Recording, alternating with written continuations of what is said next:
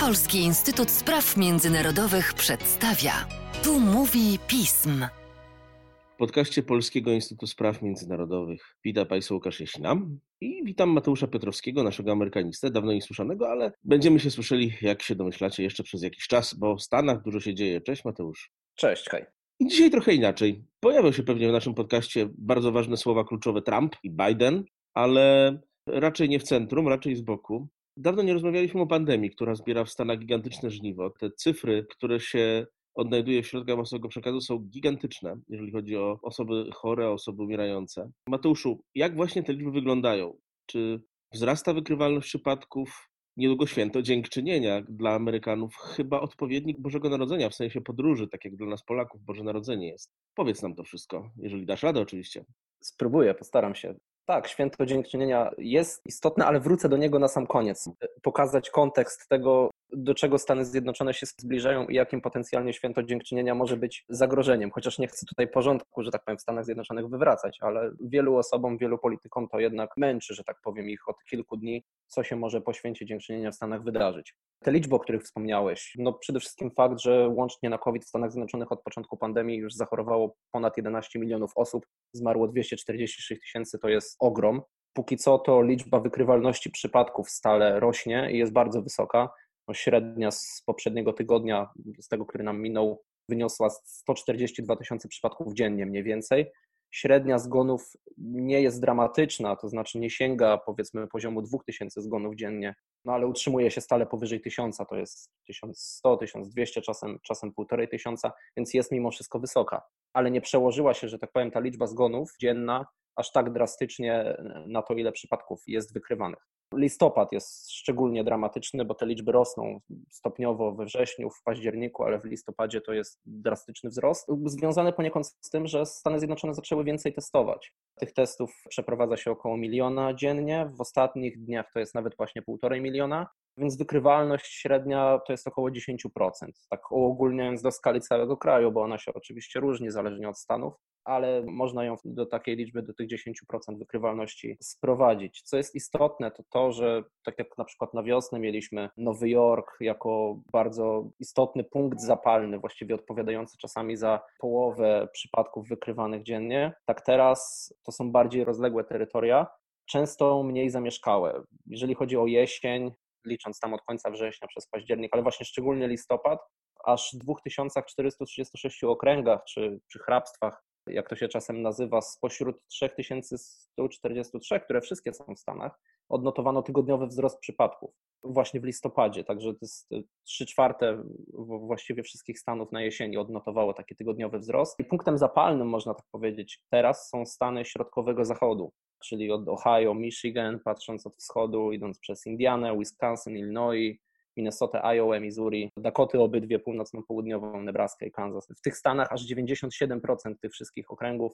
odnotowało ten tygodniowy wzrost. I choć one nie są tak bardzo, jeżeli chodzi o, o, ogólną liczbę mieszkańców, zaludnione, jak nie wiem, na przykład Floryda czy Kalifornia, czy New Jersey z Nowym Jorkiem, to jednak tutaj jest najwyższy współczynnik wykrywalności na 100 tysięcy mieszkańców właśnie w tych stanach szczególnie w okręgach, które są słabo zamieszkane, obejmują poniżej 10 tysięcy mieszkańców, tam ta wykrywalność wynosi 60,2 na 100 tysięcy mieszkańców. Bardzo zbliżona sytuacja jest w kolejnych przedziałach, czyli od 10 do 49 tysięcy mieszkańców do 250 tysięcy mieszkańców. Najniższy współczynnik wykrywalności na 100 tysięcy mieszkańców jest teraz właśnie w metropoliach o dużym zagęszczeniu. On nadal jest wysoki, co jest naturalne ze względu na tą właśnie, no rekordowo może nie, bo, to, bo ciężko się do czegoś odnieść innego niż rok 2020 w przypadku koronawirusa, ale jednak ze względu na tę bardzo wysoką wykrywalność jest to mimo wszystko już niższy wynik, to jednak i tak wysoki i póki co perspektyw większych nie ma, by, by ta wykrywalność dzienna w poszczególnych stanach, ogólnie jeżeli chodzi o skalę kraju, miała słabnąć. No właśnie, co ze świętem dziękczynienia, jak już pytałem Ciebie na początku? No właśnie, to jest problem. Święto Dziękczynienia powinno nam się kojarzyć z podróżą Stany Zjednoczone, uogólniając, ruszą w podróż z jednego stanu do drugiego przez kilka stanów samochodami, samolotami do swoich rodzinnych domów. Studenci ruszą się z kampusów swoich uczelnianych, by razem z rodziną spędzać czas przy świątecznym stole. Tak przynajmniej to powinno wyglądać normalnie. Natomiast i być może w wielu przypadkach też tak to będzie wyglądać w tym roku. Natomiast to stanowi problem.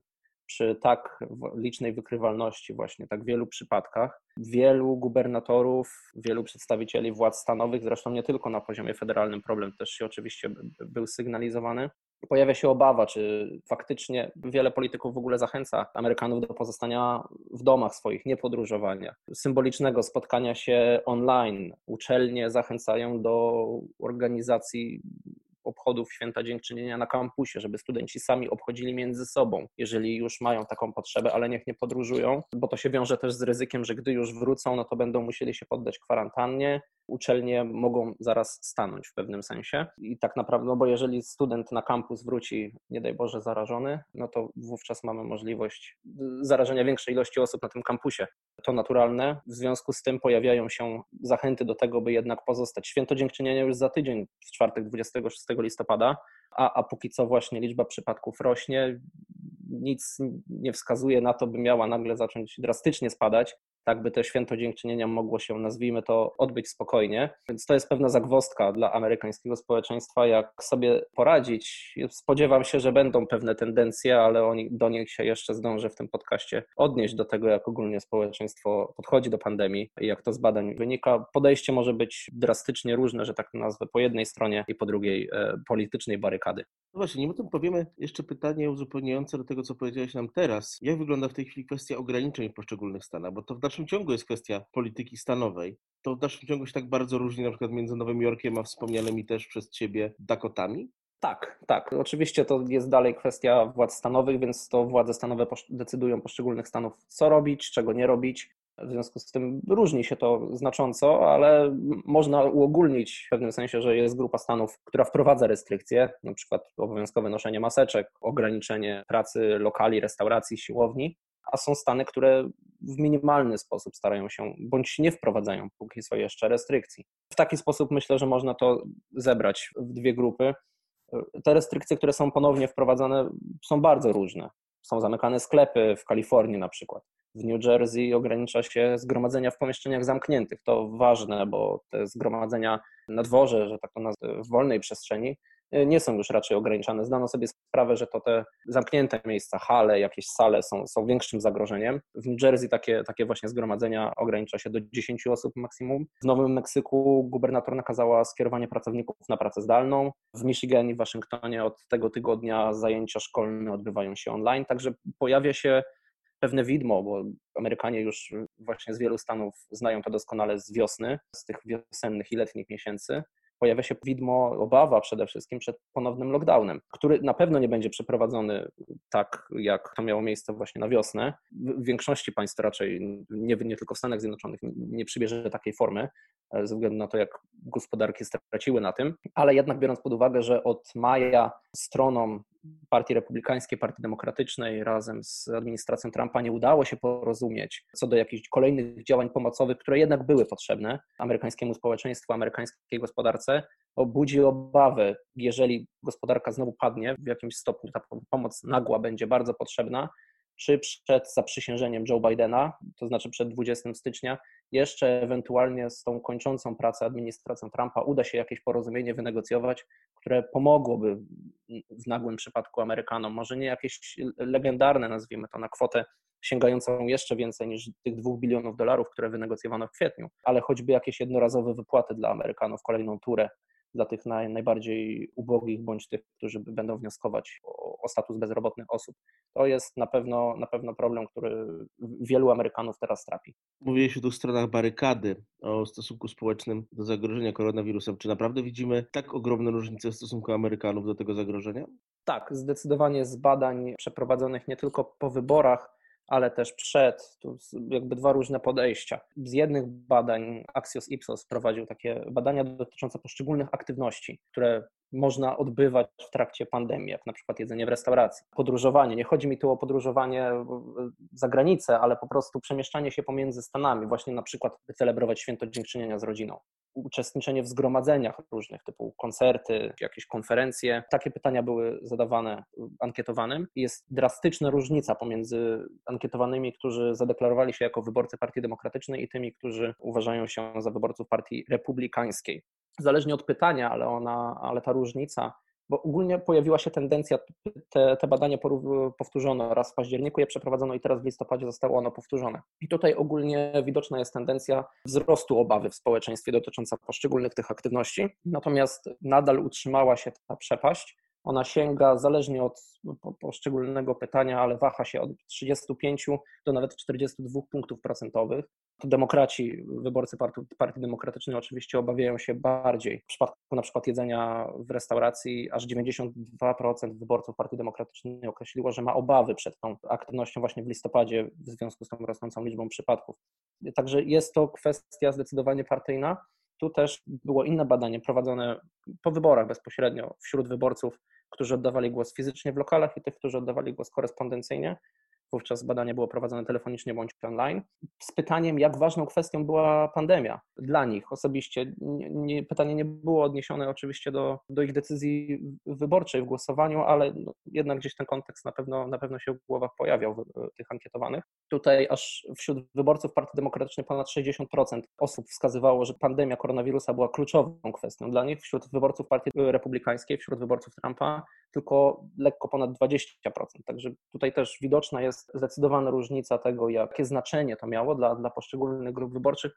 Choć oczywiście w przypadku Trumpa ma to też znaczenie, że Trump po prostu miał specyficzne podejście do tej pandemii, w związku z tym i dla wyborców nie odgrywało ono znaczenia. Tu chciałbym tylko jedną rzecz podkreślić, właśnie związaną z tą różnicą wyraźną pomiędzy jedną i drugą grupą wyborców czy obywateli amerykańskich.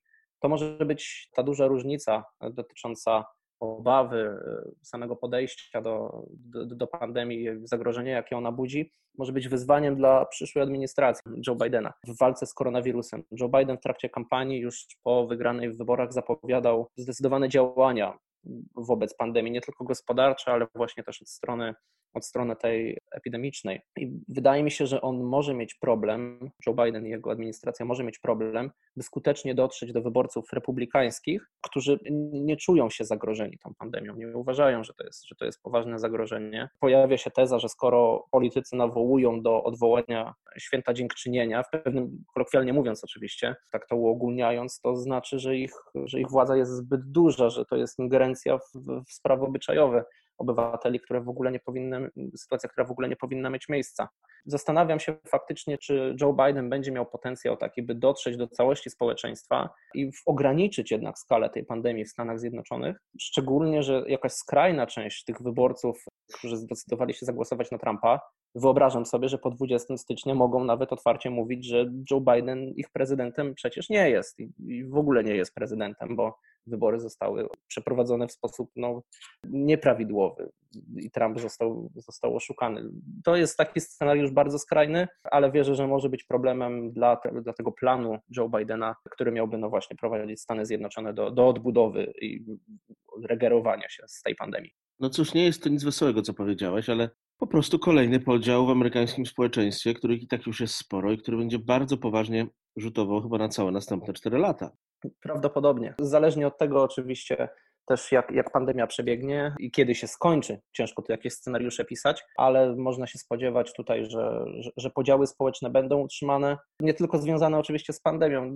Na to, jak one będą wyglądać, pewien wpływ będą miały oczywiście wybory połówkowe w 2022 i tego, jak sobie Partia Republikańska w nich poradzi wówczas administracja Bidena będzie albo łatwiej, albo ciężej przez kolejne dwa lata funkcjonować. No i właśnie, zależnie od tego, jak obydwie partie będą ze sobą współpracować, jakie rzeczy będą się pojawiać na agendzie, te, te napięcia społeczne mogą rosnąć bądź maleć. Ciężko tutaj przewidywać, nie mamy niestety kryształowej kuli. No właśnie.